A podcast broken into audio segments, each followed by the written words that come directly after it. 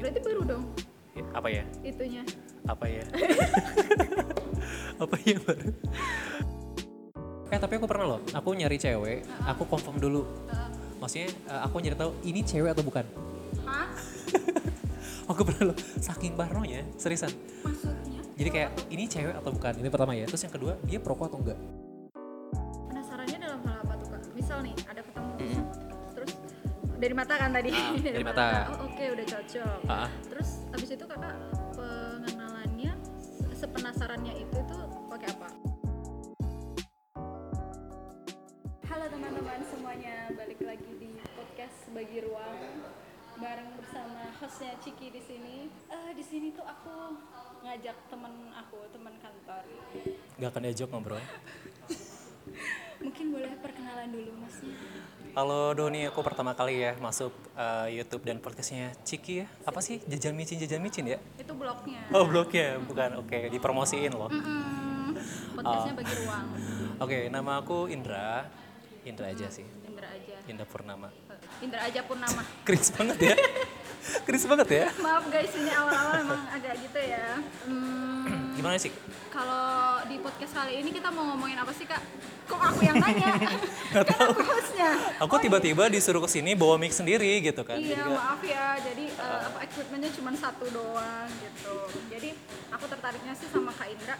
Berhubung di episode yang sebelumnya aku tuh ngomongin sama kakak aku tentang pandangan cewek mencari pasangan. Ah. Nah di sini tuh aku ngajak Kak Indra Oke. sebagai cowok. Ah. eh, bagaimana pandangan cowok untuk mencari pasangan? Hmm, pandangan cowok untuk nyari pasangan ya. Secara Oke. umum dulu deh Secara buat umum ya. pembukaan. Sebetulnya sih setiap orang itu kan beda-beda ya kriterianya ya. Ada orang yang memang eh eh, ntar dulu, ini cari cowoknya untuk apa nih? Untuk pasangan, Cowok cowoknya mencari cewek untuk apa? Nyari pasangan doang kah? Untuk misalnya pacaran kah? Nikah atau gimana? no menikah jadi lebih ke tahap serius sih kalau Oh tahap serius ya. Oke. aku. Umur-umur segini mah ngapain ngomongin pacaran? Hmm, Anjay. Anjay. Ah, jadi kalau misalkan seorang cowok ya, eh, menurut aku pribadi ya, jadi sebetulnya tiap tiap cowok tuh kan beda-beda. Ada orang tuh yang mungkin kayak aku lah ya, aku tuh tipe orang yang lihat cewek tuh langsung kayak wah ini sikapnya kayak seorang keibuan gitu. Oke. Maksudnya keibuan tuh dia kayak dekat sama orang tua, Hmm, family. terus family banget, terus juga dia tuh mm, apa ya dekat sama anak-anak juga gitu kan, dan dia tuh emang bisa ngontrol emosi dia gitu. Terus juga tidak menutup kemungkinan ya kalau cowok tuh lihat yang ya cantik lah gitu kan atau misalnya yang ya fisik juga dilihat juga gitu kan Iya. tapi yang secara dari apa ya kalau aku pribadi ketika lihat cewek tuh lihat dari matanya dulu kalau aku Hmm? Kenapa gitu? seriusan? Karena aku pun dari dulu tuh eh, suka banget cewek yang bersadar. Oke. ya kayak gitulah ya yang berhijab hijab kayak gitu. Jadi aku tuh yang pertama iya uhti. Uhti? Jadi yang pertama aku lihat itu pertama dari mata dulu. Nah kalau misalnya secara fisik. Tapi kalau misalkan eh, aku udah ngobrolnya nyambung itu bikin aku nyaman. Oke. jadi orang yang benar-benar yang bisa diajak ngobrol. Ngobrolnya kayak gimana aku bisa uh, sharing gitu kan. Yang kira-kira apa sih yang uh, apa yang aku nggak tahu tuh apa apa yang belum aku pelajari gitu kan. Lebih ke situ sih. Dan aku lebih suka orang yang dia mau belajar. Oke. kan kadang-kadang cewek tuh aku mah nggak bisa masak. Aku mah jarang bersih-bersih gitu kan. Terus apa gitu. Kan tapi Tidak kalau mengupgrade. Yes, jadi kalau misalnya dia nggak bisa masak pun ya nggak jadi masalah gitu. Yang penting dia mau Dia mau belajar. belajar. masaknya. Karena aku lebih suka orang yang melakukan prosesnya dibanding udah hasilnya. Ada ya. Oke. Ya meskipun dia nggak berjibat tapi kalau dia mau berusaha aku lebih suka orang kayak gitu. Hmm, hmm, hmm, hmm, hmm. Kayak gitu cik. Nah, kalau Kak Indra sendiri menargetkan gak sih menikah umur berapa gitu? Terus itu mulai kapan Kak Indra menargetkan itu? Aku tuh dulu ya eh, kurang lebihnya sih SMA. SMA udah Yes. mulai oke. Targetnya berapa nih? Jadi waktu SMA tuh aku di kelas 3-an lah. Jadi kan eh, aku tuh eh, orangnya emang agak pendiam. Introvert. Dulu, dulu ya, dulu ya. Cuman karena ada seorang sahabat yang menyadarkan aku ber tolonglah eh, jangan sampai ansos gitu kan. Nah, aku maksain gitu. Jadi kalau misalnya mungkin ketemu ada apa ya, ketemu aku kalau bercanda mungkin ada yang sakit hati karena memang eh, selera aku bukan humoris sebetulnya dan aku pendiam banget. Jadi kelas 3 itu aku udah aku pengen nikah di umuran 26-an. Oke. Sekarang umur 27 ya. S 26. Udah mulai oke, 26. maaf. ya aku kayak pokoknya pengen nikah di umur 26 dan nggak tahu kenapa dulu tuh emang aku nggak ada perencanaan apa pun sih misalkan eh, ini eh, aku tinggal umur segini lagi ya nggak ada sih jadi yang penting aku pengen umur 26 Jadi cuman ya udah nargetin angka doang tapi nggak Ah. ada action untuk menuju itu. Yes, tapi setelah eh, aku kuliah, nah aku tuh kepikiran gitu, kenapa sih aku harus nikah di umur 26? Hmm. Jadi di SMA itu aku pengennya 26 aja gitu, tapi pas aku kuliah kenapa sih aku eh, pengen di umur 26? Nah, Nggak, ya, ya. belum ya. ada alasan ya Nah, berarti. Soalnya aku juga apa ya namanya, hmm, dulu kan pendidikan ya jurusannya, pendidikan matematika dan aku ter, eh, banyak kayak apa ya eh, belajar bersama anak-anak, Iya. ya lebih ke biologis kayak gitu kan. Hmm. Aku mikir, jadi yang pertama tuh kenapa aku pengen nikah di umur 26 karena aku tuh pengen antara umur aku sama anak aku nggak terlalu jauh. Heeh. Iya. Karena menurut aku tuh eh, kalau misalkan eh, apa ya orang tua sama anak kalau agak jauh itu treatment ke anaknya beda. Beda. Heeh. Apa ya? eh, jangkanya tuh terlalu jauh gitu loh Mm-mm. jaraknya.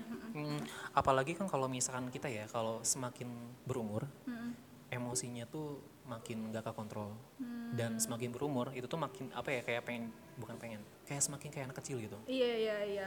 Semakin kita bertambah umur, Ah. semakin tua memang malah Yes. balik lagi ke anak kecil Ah, sih? apalagi kalau misalkan eh, lagi benar-benar nge-treatment kayak gini lah misalkan eh, anak nih anak kita nih marah-marah eh anak apa eh, dia nakal gitu kan beda banget biasanya kalau orang tua yang memang udah berumur tuh dia dimarahin lah Iya. atau eh nggak boleh atau gini kan kalau kalau secara psikologis ya kalau misalkan mau ke anak itu cara treatmentnya bukan dengan cara kayak tidak dibolehkan. ya nggak boleh. Kayak misalnya kalau lagi coret-coret apa ya misalnya ada anak lagi coret-coret meja. Eh atau coret meja dinding itu tuh jangan misalkan dimarahin kayak gitu. Dia tuh harus dipuji dulu baru diarahkan. Nah kalau misalnya mau eh itu bagus banget coret-coretnya jangan di sana. Nih ada med- apa kasih medianya, Medianya. kayak gitu. Treatmentnya seperti itu. Dan kalau misalkan mau ngobrol pun ya pasti nyambung juga. Jadi nggak terlalu jauh tuh enak Iya gitu sih. iya. terus yang selanjutnya aku tuh dulu tuh emang nggak mau pacaran. Hmm. karena dari dulu tuh sering ganti-ganti pasangan.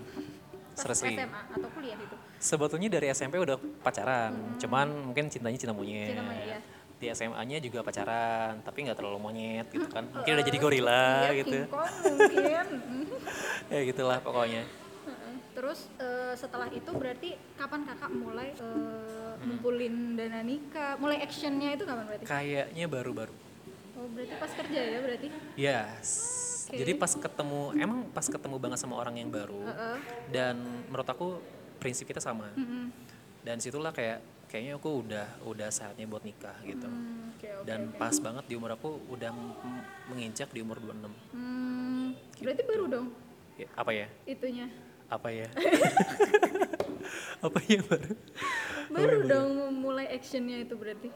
Hmm. Setelah ketemu baru Kak Jadi- Indra wah action. prosesnya tuh kayaknya singkat banget Oke. dan itu ketemunya wah Ya ya ya ya. dari sosial date lagi itu guys bisa loh kita ketemu di di mana pun sebenarnya Eh, 26 itu menurut aku untuk cowok itu pasti waktu yang pasti nah kalau kak Indra sendiri di sini sekarang kan lagi zamannya juga yang nikah muda gitu Ya. kan. pandangan kak Indra tentang menyegarakan versus tergesa-gesa menyegarakan dan tergesa-gesa itu tipis banget sih perbedaannya Yes, betul banget sih.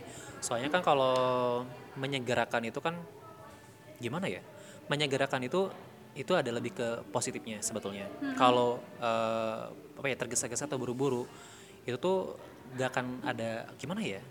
Biasanya kalau menyegerakan tuh dia ada konsepnya. Tapi kalau eh, buru-buru dia nggak ada konsepnya. Contoh ada gitu Yes, contohnya nih, kalau misalkan eh, menyegarakan ya tadi, kalau menyegarakan itu biasanya ada alasannya. Contoh, aku nikah itu ya karena pengen halal. Aku nikah Menyempurnakan menyempurnakan imannya kan. Terus juga kayaknya kalau aku nikah itu bakal membuka pintu rezeki aku, gitu kan. Yes. Terus yang ketiga, ya eh, aku bisa lebih mandiri gitu kan. Aku nggak harus terus sama orang tua juga gitu. Tapi kalau misalnya buru-buru, biasanya tuh tipe tipikal orang yang lihat orang yang nikah pengen cepat nikah. Iya, Ditanya iya. misalkan temen-temen lagi pada nikah Cik, semuanya kapan kamu nikah? Ditanyain Ya, gitu kondangan Sabtu itu juga kalau nggak hujan. iya bener kayak gitu sih bedanya. Oke, oke, Jadi kalau misalkan teman-teman di sini kalau mau menikah itu memang harus eh, apa ya? eh, memang benar-benar harus siap dulu sih. Dari itu mau dari mental, finansial finansial dan yang lainnya. Oke, Jadi jangan segera aku pengen nikah tapi ya kamu nggak siap gitu. Kalau misalnya kamu nggak siap ya begitulah. Banyak kan sekarang yang dia tuh cepat-cepat buru-buru nikah tapi ya paling cuman beberapa bulan atau beberapa tahun udah cerai lagi gitu. Jadi cuman kayak nikah udah aja.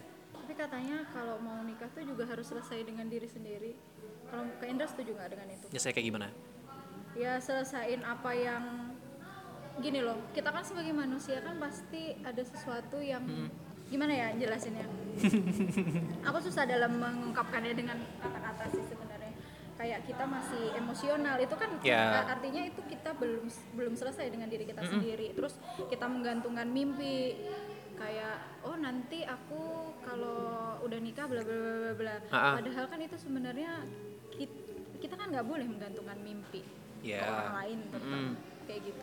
Secara nggak langsung gini, kalau buat kamu ya yang jomblo-jomblo, elah jomblo, bukan jomblo, independen, Independent woman. independen. Gimana? Single lila. Single lila ya. Nih buat yang jomblo-jomblo ya. Gimana tadi pertanyaannya? Gini, Kan lupa jadi tau kan? jadi kalau misalkan mau nyari uh, pasangan, Mm-mm. yang penting kita upgrade diri kita sendiri minimal itu. upgrade dalam hal Dalam hal apa pun, mau dari segi agama kah, mau dari segi finansial kah. Kalau kalau misalnya gini, kamu nggak bisa kontrol emosi kamu, otomatis ya pasangan kamu yang akan seperti itu. iya Ya, kita akan makanya- mendapatkan apa yang kita kan Yes, jadi kalau kamu misalkan aku tuh pengen cowok yang tajir, aku pengen cowok yang soleh, ibadah dan lain, tapi kalau kamu nggak kayak gitu, kita nggak bakal dapet yes, makanya yang namanya yang namanya jodoh itu yang yang dekat eh, apa ya, yang dekat dengan lingkungan kita dan memang yang mirip dengan kita, Cerminan. cerminan. Oke. Makanya sedini mungkin ya meskipun teman-teman di sini yang baru SMA atau misalkan ya lagi kuliah gini, kalau memang kalian eh, ngebet nikah ya silakan nikah, tapi ya tahu konsekuensinya seperti apa, kesiapannya seperti apa. Toh teman aku juga yang baru lulus eh, SMA, dia nikah. Jadi singkat ceritanya mereka tuh eh, apa ya satu kelas. Cuman kenapa mereka mereka karena mereka tuh udah kayak punya prinsip gak ada yang namanya pacaran gitu. Dan kedua-duanya udah megang agama gitu. Jadi dia tahu peran suami itu seperti apa, istri juga seperti apa, kewajiban istri seperti apa. Dan alhamdulillah gitu. Langgang-langgang aja. kalau dia udah paham gitu sih memang udah selesai juga dengan diri sendiri Ya, sih tapi kalau misalkan gini nih, misalkan kitanya emang emang lagi eh, apa ya, cuma pengen karena nikah doang gitu kan. Ternyata kita pengen gini tapi tidak sesuai ekspektasi ya. Kadang-kadang kita jadi egois, malah jadi sakit hati gimana akhirnya ya cerai gitu kan. karena kita hidupnya dalam ekspektasi itu tadi kak Iya. kayak sebelum misal misalnya pas waktu kenalan nih Ah, ah. eh, kayak gini kayak gini gini tapi kan kita saat berbeda lagi kan Beda pasti, banget. pasti akan berbeda banget Ya. nah deng- dengan kita menggantungkan ekspektasi itu tadi Hmm. pasti kan kita juga kok kayak gini sih kok nggak kayak seperti yang aku bayangkan Iya. itu kan perlu apa ya istilahnya hmm, legowo pe- penerimaan Legowo legowo apa sih gitu lah. itulah kayak gitu Ya, yang penting sih ya gitu. Ketika kita menunggu eh, seseorang yang tepat, ya orang yang tepat dari yang tepat gitu ya, yang baik dari yang terbaik. yes. Ya selain eh, sejak menunggu ya upgrade gitu. Ketika misalkan nih eh, teman-teman cewek di sini mulai kayak gimana sih menjadi seorang ibu yang Ibu. baik? Karena ibu itu adalah pabriknya anak-anak untuk yang pabrik cerdas. dong guys kayak Raditya Dika reject. Ya gitu kalau misalkan eh, apa ya kalau misalkan pohonnya jelek ya buahnya pun akan bakal jelek. Iya. Gitu. Karena yang namanya buah itu nggak akan jauh dari jauh dari pohonnya. Iya iya iya. Setuju setuju, gitu, setuju, setuju. terus Kak Indra nih netapin kriteria gak sih buat pasangan? Tentunya sih iya soalnya Yep. aku pun juga gitu dan apa ya semakin katanya sih Yep. semakin bertambah usia itu kriterianya semakin sedikit yaitu yang mau aja. Mau aja. Oke. Gimana Kak Indra kalau Kak Indra kri- kriteria Kalau aku tipe yang nyari orang sesuai dengan kriteria. Ya meskipun ada hanya beberapa, ya bisa masuk juga. Salah satu eh, salah satu contohnya aku kayak tadi ya, aku suka orang yang dia bisa eh, apa ya ada seorang keibuan gitu kan. Maksudnya keibuan itu bukan ibu-ibu mama kayak gitu, tapi ya memang bisa dia yang bisa ngontrol emosi. Dia memang yang ya udah udah kelihatan lah dia siap jadi seorang istri. Terus yang kedua sebetulnya aku juga suka cewek yang suka masak Hmm. bukannya nanti bakal dimasakin karena jujur ya aku tuh lebih enak makanan rumah, Rumah dibandingkan beli. makan beli. Iya, Serius, iya. bukan karena diskonnya tapi ya. Cashback. Cashbacknya. Terus aku lebih suka makanan rumah. Hmm. gitu. Terus juga yang ketiga aku suka orang yang eh, apa ya eh, lebih nggak apa ya namanya dia bisa ngontrol emosi dia sih sebenarnya lebih ke situ sih. Jadi itu yang paling utama ya? Lebih utamanya itu sih yang lebih utama sebenarnya agama. Agama. Kalau aku lebih lebih ke agama sih. Kalau agamanya bagus semua pun bakal Semuanya bagus. pasti bagus. Iya. dan rata-rata kalau misalnya aku nyari pasti kebanyakan yang berjibab gitu. Hmm. emang sih banyaknya cewek di luar sana yang memang tidak memakai jilbab gitu kan. Dan memang cantik banget. Tapi aku suka be- beda gitu kalau ketemu dua orang yang berbeda yang satu berjilbab yang enggak. Misalnya yang seksi gimana? Ya pandangan cowok pun ya ngerasa kayak gimana ya. Tapi itu kayak sesaat gitu. Karena yang namanya cowok kalau misalnya udah eh, ngerasain apa seperti apa dia bakal apa ya ya udahlah gitu pindah lagi pindah lagi gitu. Kalau aku tipe orang yang penasaran. Hmm. jadi eh misal nih orang kayak gimana sih aku terus perjuangin. Tapi kalau misalkan eh, cowok tuh ya kalau udah ngerasain atau apa dia bakal penasarannya dalam hal apa tuh kak? Misal nih ada ketemu set, terus dari mata kan tadi. Ah, dari mata. oh, oke udah cocok. Ah. terus abis itu kakak pengenalannya sepenasarannya itu itu pakai apa? Sosmed kah? Atau ngechat? Obrolan? Obrolan. Aku lebih banyak nanya. Biasanya eh, salah satu contoh nih ya pengalaman aku tuh eh, pertama kali aku ketemu apa ya kenal sama ini orang nah, si doi ini aku kenalan cuma tiga minggu. Minggu pertama aku tuh cuma chat doang. Minggu kedua aku udah main voice note gitu kan. Minggu ketiga itu aku udah eh, video call meskipun geje-geje gitu kan cuman mungkin ada ada yang bikin aku penasaran nih orang eh, kok gimana gini gini gitu kan. Dan aku nggak lihat body dia. Dan aku juga nggak terlalu lihat mata sebenarnya cuman aku lebih kayak seneng obrolannya nyaman banget gitu kan. Nyambung lah. Yes nah terus aku ajak ketemuan deh. Hmm, di Kenapa? minggu ketiga itu berarti ya? Di minggu ya di minggu ketiga akhir. Itu masuk ke minggu empat. empat. Aku ngajak ketemunya di mana? Di kampusnya dia. Kebetulan dia ada keperluan di sana. Dan aku langsung temuin tuh orang oke. Awalnya benar-benar ilfil. Kenapa? Kenapa? Apa yang membuat cowok ilfil? Nah itu tuh bisa tuh. Ilfil banget serius. Pertama kali aku ilfil banget. Jadi pertama gini aku kan eh, belum belum mengenal banget kan dia seperti apa kan. jadi dia kelihatannya cuek banget gitu kan. Terus eh, apa ya? Jadi ini kayak gini lah role playnya. Jadi aku lagi ketemu nih terus aku mau sholat kan. Nah aku baru nyimpan helm aja terus dibilang gini jadi sholat nggak tinggal nih bisa kayak gitu kan kayak ini orang baru juga kenal kok gitu sih gitu kan Iya, cuman ekspresinya kayak gitulah kayak orang cuek kayak gitu kan iya Nah, cuman setelah sholat dan lainnya, aku ngobrolkan tatap-tatapan. Dan yang lebih banyak nanya tuh aku.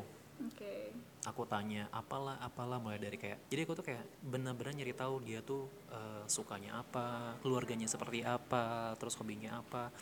Sampai ke sehari-harinya pun aku tanyain. kegiatan sehari-hari Ya, karena aku tuh nyari poin-poinnya gitu.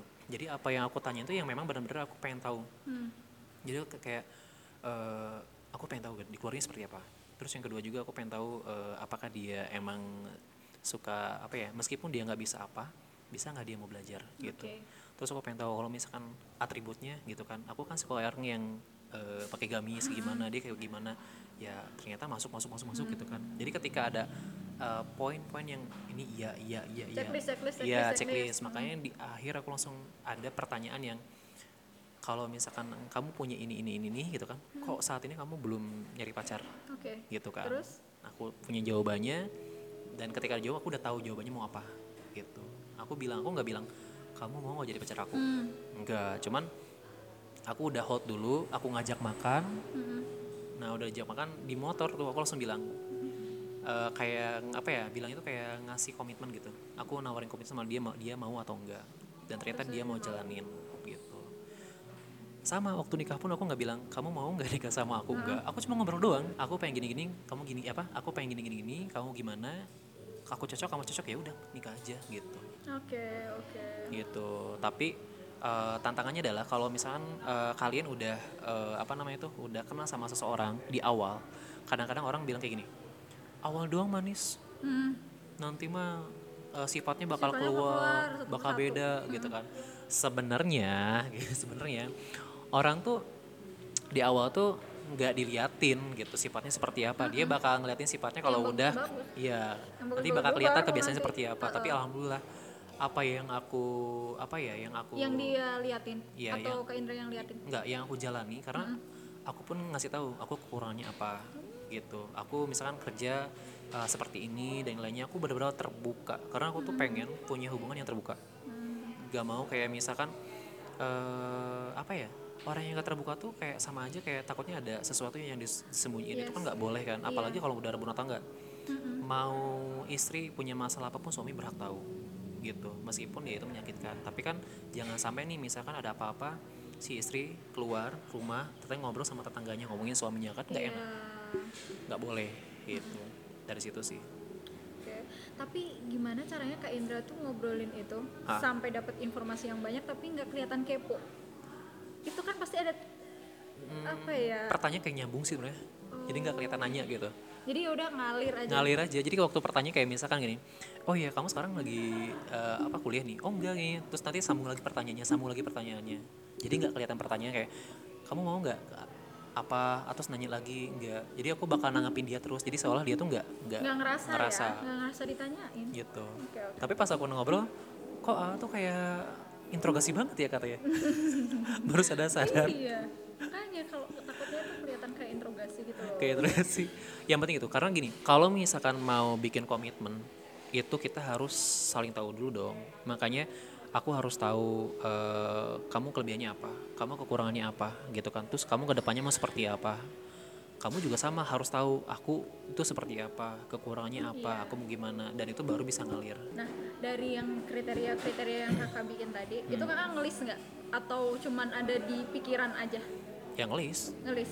ngelis dulu sebelum aku ketemu orang aku siapin dulu pertanyaannya Tapi dia masuk prepare ini guys, soal anaknya. Gimana ya? ya udah gimana Cuma gini kak, Ah. tapi kadang tuh orang Ah. nyari nyusun kriteria itu dia tuh sesuai dia dia nyesuaiinnya itu apa yang dia pengen bukan apa yang dia butuh Mm, apa ya bahkan dalam bukan hanya dalam pencarian pasangan dalam apa pun kita kebutuhan sehari-hari pun juga kayak gitu kan. Iya. nah gimana caranya uh, biar nggak bias? Mm-mm. kita nyusun kriteria tuh ternyata yang yang kita pengen aja gitu. Ya, kalau aku nyusun kriteria itu yang memang gak ada di aku. nggak di kakak? Ha-ha. jadi Kayak- biar ng- ngelengkapin gitu ya? Yes, meskipun eh, aku eh, apa ya, aku suka masak, ya, ya nggak apa-apa. Orang yang nggak masak juga, cuman ya kita bisa bareng-bareng gitu kan. Terus misalkan aku orangnya eh, apa ya namanya tuh, mungkin agak pendiam gitu kan. Pasti lawan bicara aku dia bakal banyak ngomong. Untuk apa? Jadi ketika misalkan aku punya anak nanti, suatu saat nanti eh, ketika aku emang gak bisa ngomong di apa ya namanya tuh sama anak nah mamanya bisa Iya, ngomong gitu jadi memang nggak- ya aku cari yang gak ada di aku karena kan harus saling melengkapi gitu apalagi misal apalagi ya eh, aku orangnya misal baperan misal gitu ya. Ya berarti yang ya? Berarti lawan bicara aku itu nggak boleh baperan gitu. Tapi yang yang yang aku cari itu sebetulnya yang bikin aku nyaman adalah ketika bisa diajak komunikasi. Karena komunikasi itu adalah hal yang paling penting. Kamu mau LDR kamu mau enggak komunikasi tetap jalan itu lebih ba- baik berarti Gitu. poinnya bagaimana memisahkan antara apa yang kita butuhkan dan apa kita inginkan adalah kita melihat dari kita sendiri ya. Yes. Kita kurangnya apa, kita nyari yang itu biar bisa melengkapin. Bagus Ta- sih. tapi kalau misalkan keinginan doang ya Mm-mm. aku pengen gini aku pengen kayak gitu kayaknya nggak akan ada yang cocok kayak misalkan Iya. aku nggak cocok deh sama orang ini kayaknya aku nggak cocok gimana ya udah putus aja kalau kamu nyari yang cocok dengan kamu kapan beresnya gitu. Nggak akan beres. nggak akan beres beres Nggak akan nyampe tujuan juga. ya pokoknya kalau misalkan apa ya ketika ketemu orang ya ketika menjalani sebuah hubungan itu tuh jang yang lebih penting juga selain komunikasi adalah jangan terlalu negatif thinking sama pasangan. Jadi banyakin syukurnya dibanding ngeluhnya. Misalkan nih eh, ketika kita sakit hati sama pasangan ya aduh aku sakit hati nih misalkan eh, nih eh, cowok aku ngebentak aku atau misalkan gimana coba deh dipikirin lagi dia melakukan hal seperti itu karena apa gitu? Apakah kayak aku kan misalkan aku eh, sama cewek aku misalkan lagi ngomongin apa sakit atau gimana tapi aku berpikir oh mungkin eh, dia kayak gitu karena biar biar akunya kayak gimana kayak gimana gitu. Dan banyakin eh, yang dipikir adalah hal-hal yang eh, positifnya gitu. Karena aku pun jujur nih kalau misal sama pasangan yang yang sering ketawa-ketawa senyum-senyum tuh kalau lagi ngebayangin yang positifnya gitu. Hmm, iya dia merhatiin aku atau gimana. Jadi kalau misalkan pun eh, kita udah sakit hati udah Ketutup ya. ketutup sama rasa Yang yang, namanya sayang. Mau sesayang apa pun kalau udah sakit hati ya nggak akan Iya, iya, iya. inilah. Tapi dalam selama perjalanan ini ada nggak sih keraguan gitu? Oh banyak. Apa yang membuat itu? Yang bikin ragu tuh ketika ada poin yang memang aku cari tapi eh, ambil gitu eh, buyar gitu. Kok bukan di situ gitu maksudnya? Misal gini aku lagi ny- nyari orang yang tipenya seperti ini tapi dianya belum bisa menyesuaikan. Belum bukannya nggak bisa ya tapi belum menyesuaikan dia bisa. Karena yang yang aku pikir tuh misal aku pengen yang seperti ini karena emang itu juga buat terbaik buat dia gitu. Dia pun bisa melakukan gitu. Kalau misalkan kamu nggak bisa ya kenapa enggak gitu. Yang bikin ragu adalah ketika dia nggak bisa ada cewek lain yang bisa. Pasti orang ketiga sih maksudnya orang lain. Tapi nggak maksudnya ya aku cuma sebagai teman doang gitu iya iya iya Yes. paham maksudnya Kok ada Maksudnya orang kayak tiba-tiba gitu? muncul siapa Tiba-tiba, ya, pasti kayak gitu. itu tuh kerikilnya sih Iya, misal aku lagi pengen gini kok dia nggak gini ya, tapi kayak gini. Ya itulah yang bikin kita bimbang gitu. Ya kalau misalkan yang namanya udah sayang mah ya, kalau udah kayak gitu ya kita mikir lagi ya gimana caranya kalau misalnya dia nggak bisa kita bantu biar jadi bisa. Hmm. Gitu. pernah istiqoroh nggak? Wah udah berapa kali ya? oh beberapa kali malah Jadi misalnya gini nih, eh, aku dulu pernah eh, pacaran sama yang nggak berjilbab gitu kan, dia nggak bisa gitu, bilangnya nggak bisa nggak bisa, soalnya gini-gini gitu kan. Ya tugas aku adalah ya gimana caranya dia biar biasa melakukan hal itu. Aku eh, bukan memaksa ya, aku melakukan seperti itu bukannya ke arah yang jelek kan. iya Ya, untuk yang baik sih Yes, malah aku tuh ngeliat dia udah kalau kamu misalnya pakai kerudung pun ya kenapa enggak gitu. Kamu cantik kok kata orang. Aku Terus jelasin. tapi padahalnya enggak. Dia masih ber putus di, eh, asalnya ya. Ah. Asalnya ya. Dia nggak berjilbab sama aku gitu kan. Tapi nggak tahu sih pas udah putus nalanya dia nikah kan. Dia pakai jilbab Dia terus. pakainya sari. Oh, Asalnya pakai jeans sih, sih, iya, kayak gitu. yang penting kan berarti kan kayak wah ini orang nggak apa-apa lah dititipin ke aku buat jadi baik dipakai sama Iya. orang. Malah dipakai tapi Ah. aku jadi keinget deh yang ngomongin kriteria tadi sih. Hmm. kayak aku pun kan juga mematok nih kak. Kayak salah satunya tuh yang dia nggak nggak nggak ngerokok. Karena aku aku deket sama ro- perokok apa ruangan yang berokok aja udah asma nih. Maksudnya udah kamu ya asma? Nggak nggak nggak. Oh, maksudnya udah udah sesak Corona? nafas. Belum. udah sesak nafas apalagi hidup bersama dengan dia Ah. kan gitu sempet juga ketemu sama orang yang sebenarnya baik udah udah cocok sih tapi nggak tahu ya tetap ada keraguan gitu ada keraguan pasti. Ada keraguan dan dan salah satunya karena apa tuh? Nggak tahu nggak nggak serak aja. Oke boleh silakan. Kita curhat ke dokter Boyke. Jadi keluhan anda apa? aja gitu. Terus dan salah satunya dia juga perokok. Aku udah inform informasi Hmm. Informasi. udah komunikasiin gitu juga. Hmm. tapi ternyata nggak bisa jadi Eh, Cuman kadang beberapa orang tuh kayak nganggep kenapa sih cik ngerokok Yes. doang gitu ya gimana Eh tapi aku pernah loh, aku nyari cewek, aku confirm dulu. Maksudnya eh, aku nyari tahu ini cewek atau bukan. hah Aku pernah loh, saking parnonya, seriusan. maksudnya Jadi kayak ini cewek atau bukan, ini pertama ya. Terus yang kedua, dia perokok atau enggak? cewek atau bukan Karena orang gimana, karena orang-orang Bandung itu pertama ya, meskipun dia pakai jilbab dia ngerokok. iya Ya ada yang ngerokok, ya ada beberapa dan banyak banget. Dan yang kedua, aku pengen tahu gitu, ini cewek atau bukan gitu. Kan eh, gimana ya, sampai sekarang aja ada orang yang namanya dia nyamar sebagai cewek gitu. Sikap Parno kayak gitu dua dia cewek bukan dia ngerokok atau enggak Hmm, jadi itu sebenarnya masuk ke kriteria juga kan? iya sih cuman itu kayak ya itu ketakutan aku gitu kenapa eh, aku sama sih sebenarnya kayak aku juga eh, apa yang nggak ngerokok ya karena gini rokok itu kalau menurut orang ya eh, mungkin bisa menghilangkan stres. Atau misalkan kalau lagi dingin katanya bisa jadi hangat atau gimana lah gitu ya aku nggak ngerti. Aku ya aku nggak ngerti sih kayak gitu ya. Tapi aku tuh lihat ke depannya. Eh, soalnya teman-teman aku juga ada cewek yang memang ngerokok. Kalau misalnya udah masuk ke keluarga punya anak seperti apa? Dan lingkungan tuh emang jadi gak sehat gitu buat aku ya. Tapi aku nggak ngejudge untuk orang-orang yang nggak ngerokok ya. juga. Aku Iya, kayak gitu. berteman kok sama teman-teman perokok Yes, cuman gini, ketika ada beberapa kriteria yang memang masih bisa diterima ya jalin aja. Tapi kalau misalnya itu bisa merugikan kamu, udah mending keluar aja. Kayak tadi misalnya merokok gitu kan, kalau emang kamu emang benar-benar gak suka ngerokok ya udah gitu, lepasin aja. Karena yang namanya cowok tuh masih banyak, gitu. Kayak aku misalnya, aku punya A, B, C sampai Z gitu ya. Ternyata jangan misalnya ada, ada tiga A, B, C, gitu kan. A-nya oke, B-nya oke, C-nya kalau misalnya nggak terlalu ini ya udah nggak apa-apa. Yang penting aku jalan aja gitu. Karena semua orang itu nggak ada yang namanya cewek atau cowok yang sempurna manusia gak ada yang Iya, sempurna kan iya. maka dari itu harus ada yang namanya kebutuhan untuk kita apa yang memang kekurangan kita cari yang itu aja aku punya asma nggak mungkin dong nyari cewek yang perokok rokok ya itu Gitu. menyakiti diri sendiri Iya, dan aku orangnya introvert. Masa aku nyari introvert lagi? Gak ada kan ada kan? teman. Ya, sepi banget rumahnya ya kayak ya kayak gitu. Nyari-nyari yang kayak gitu gitu. Terus kalau emang menurut kamu itu bakal merugikan kamu, mending keluar aja. Karena aku pun sama eh, apa aku pernah juga kayak gini. Ya, Ini ini sebenarnya bagus ya. Ah, Aku dulu pernah eh, pacaran sama eh, sama si agamanya Islam. Cuman ada yang organisasinya adalah Beda. beda. Aku nggak akan sebutin Benar, apa gitu kan. Jadi beda banget. Jadi ketika aku harus sama dia, keluarga aku harus masuk ke organisasi itu. Kan biasanya kan kalau di Islam itu kan eh apa? Di Indonesia kan ada yang namanya banyak lah eh, banyak itulah lah ada itulah ada M apa? Ada NU, ada Muhammadiyah dan apa-apa apa. Nah, itu salah satunya. Jadi kalau masuk kan itu kayak aku nggak bisa gitu. berarti Kak Indra juga memasukkan itu kriteria itu?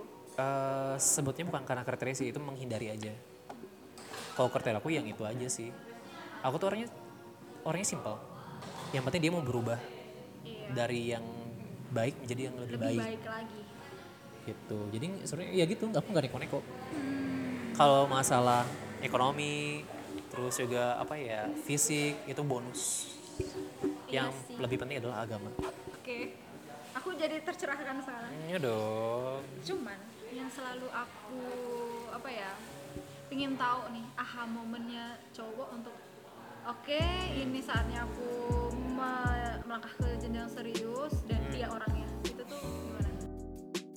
Kalau dulu tuh SD itu ada yang namanya raraban. Satu kali satu satu satu kali dua dua you know lah ya. Perkalian satu aja satu kali satu sama sama satu. Sampai di akhir itu ada satu kali sepuluh sama dengan 10 sepuluh. Ada sepuluh pertanyaan kan? Ada salah satu aja satu dikali tujuh sama dengan misalkan dua. Salah. Dari 1 sampai 10 ada satu yang salah. Kira-kira tanggapan kamu ngapain